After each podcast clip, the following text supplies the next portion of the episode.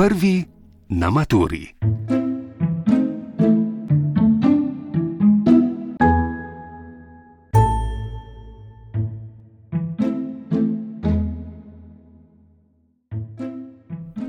Letošnje prilagoditve na poklicni maturi so precej podobne lanskoletnim. Prvi del je tisti bolj organizacijski v smislu eh, tega, da se skušamo eh, čim bolj zavarovati eh, pred morebitnimi okužbami. No, tisti pomembnejši vsebinski del pa tukaj zdaj pri poklicni maturi se dotika predvsem ustnih izpitov, kar pomeni, da se zmanjšuje vsebina, in seveda so dijaki s tem seznanjeni, tako da se jim, kljub temu, da so se marsikje stvari vrnile v stare tirnice, da se jim skuša tukaj uh, priti nasproti in uh, jim uh, olajšati, seveda, to uh, stresno obdobje poklicne mature. Prvi predmet, skupen vsem kandidatom na poklicni maturi, je vedno materinščina, torej slovenščina oziroma italijanščina ali mačarščina. Drugi predmet pa je temeljni strokovni teoretični predmet. Ta izpit je, kot že samo ime pove, za poklic, za katerega se nekdo izobražuje, temeljni. No, in tukaj uh, ne govorimo o samo enem strokovnem modulu, ampak se pri drugem predmetu uh, izkazujejo kompetence in znanja večjih različnih modulov. Kateri to so, je za popolnoma vsak izobraževalni program uh, določeno z tako imenovanim predmetnim izpitnim katalogom, ki je seveda tudi dostopen na spletnih straneh uh, CPI-ja. Tako da lahko vsak kandidat vidi, katera znanja, spretnosti in veščine se bodo pri drugem predmetu poklicne mature preverjala. Tako da tudi pri drugem predmetu, seveda, imamo tako imenovani pisni del, kjer se uh, z uh, izpitnimi polami preverjajo, lahko bi rekli, nižje taksonomske stopnje. Seveda se pa potem na ustnem delu uh, preverjajo tudi više taksonomske stopnje, zato ker vemo, da v poklicu imamo marsikdaj uh, probleme, ki niso rešljivi enoznačno, ampak omogočajo seveda različne poti za dosego nekega cilja oziroma rešitve.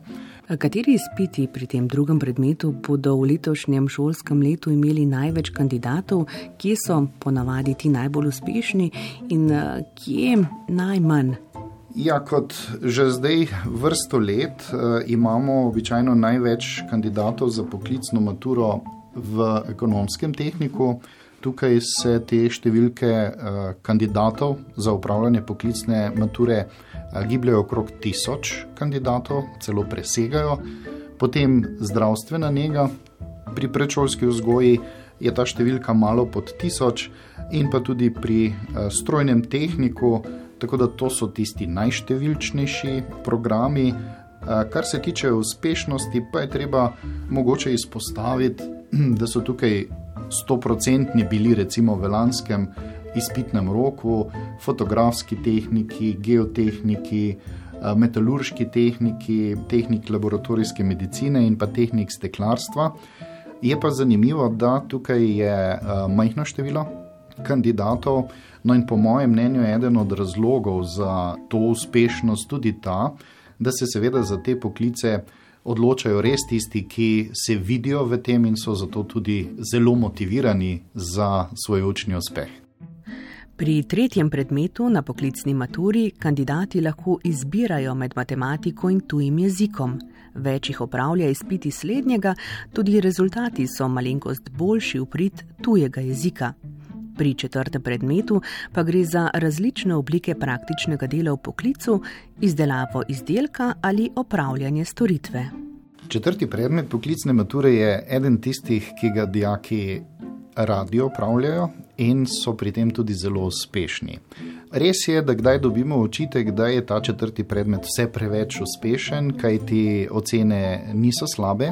No, ampak seveda, če razumemo, kako se upravlja ta četrti predmet, potem je zelo hitro jasno, da so te ocene, ki so, jaz bi rekel, mogoče še celo malo nizke. Kaj ti?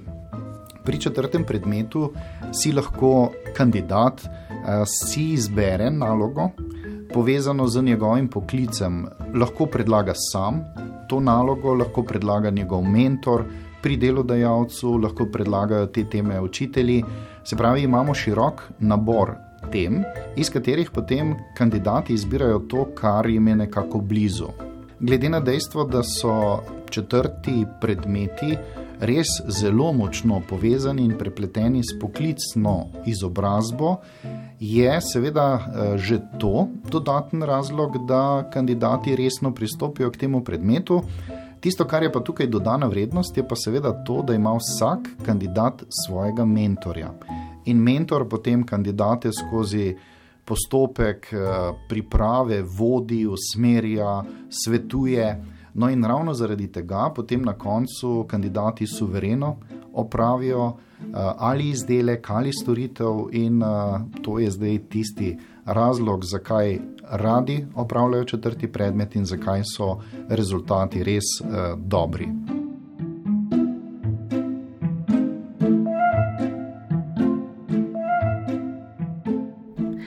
Medtem ko splošna matura omogoča nadaljni upis vse študijske programe, pa poklicna omogoča le upis v više šolske in visokošolske, ne pa tudi univerzitetne programe. Dejstvo je, da uh, poklicni maturanti, ki se želijo upisati na univerzitetni študij, morajo torej ob poklicni maturi opraviti še izpit iz posameznega predmeta splošne mature, tako imenovani peti predmet. Zdaj, katerega opravljajo, pa je razvidno iz vsakoletnega razpisa za upis, kar pomeni, da seveda potem kandidati, glede na svoje želje, izberejo enega od številnih petih predmetov. Če ta peti predmet v spomladanskem roku kandidati ne upravijo uspešno, morajo v jesenskem roku pisati le tega ali celotno maturo še enkrat upravljati pri vseh predmetih poklicne in splošne mature velja, da ko je enkrat ta predmet pozitiven, potem seveda je to uh, opravljeno, kar pomeni, da tisti, ki so neuspešni, opravljajo samo tisti predmet, iz katerega so neuspešni. To velja tudi za peti predmet.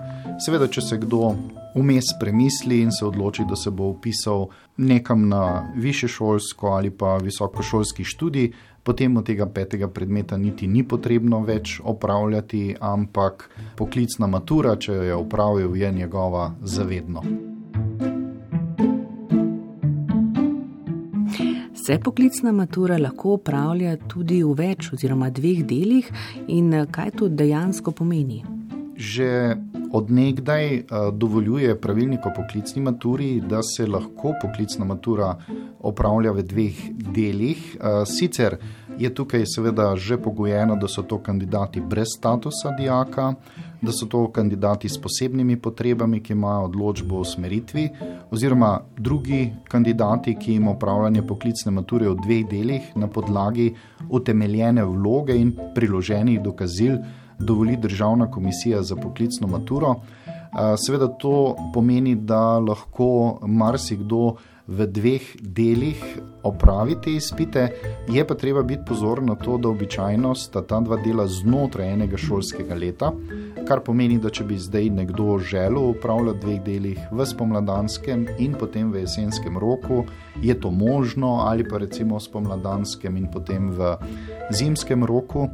Mogoče naj tukaj uh, poudarim, da poklicna matura se od splošne mature razlikuje tudi po številu izpitnih rokov. Splošna matura ima namreč samo dva, spomladanskega in jesenskega, poklicna matura pa ima še tretjega, to je zimski izpitni rok. Povej vaše besedo ali dve, Boris Klančnik, o zaključnem izpitu, kdo ga upravlja in za kakšen zaključek gre, so tudi tukaj morda letos kakšne spremembe. Zaključni izpit upravljajo vsi tisti, ki zaključijo nižje poklicno izobraževanje ali srednje poklicno izobraževanje, se pravi tisti, ki opravijo dve oziroma tri leta srednješolskega izobraževanja. S tem, da tukaj je zadeva precej podobna četrtemu predmetu, z zavedanjem, da je nivo zahtevnosti nižji. No, in seveda tukaj eh, pri nižjem poklicnem izobraževanju opravljajo kandidati samo izdelek oziroma storitev in zagovor, no, medtem ko pa v triletnem izobraževanju tam pa je za zaključni izpit eh, slovenščina in pa izdelek oziroma storitev in zagovor.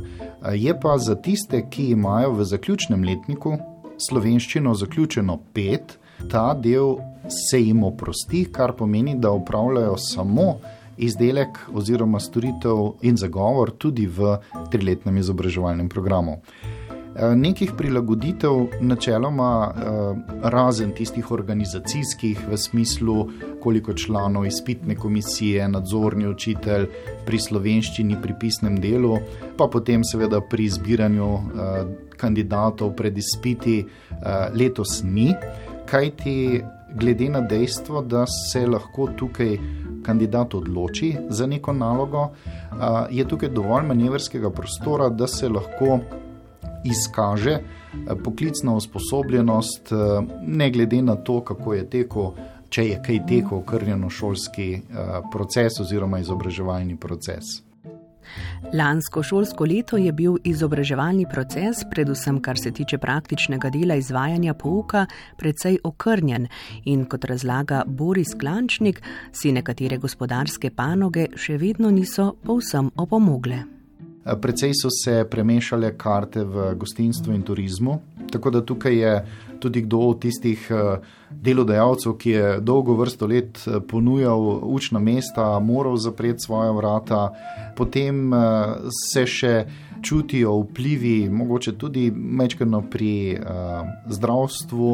Je pa res, da so pa panoge, kjer seveda si želijo še več kandidatov, ki uh, imajo prosta delovna mesta, ki enostavno hrepenijo po nekom, ki bi z mlado energijo prišel v njihov kolektiv. Da, tukaj so predvsem tisti poklici. Uh, Kjer je malo, uh, že tako ali tako delavcev, tukaj so kakšni keramičari, pečari, mesari, peki, v glavnem vsi tisti poklici, kjer uh, sami dosti krat začutimo primankljaj, ko ne dobimo kakega mojstra, ki bi znal kaj narediti.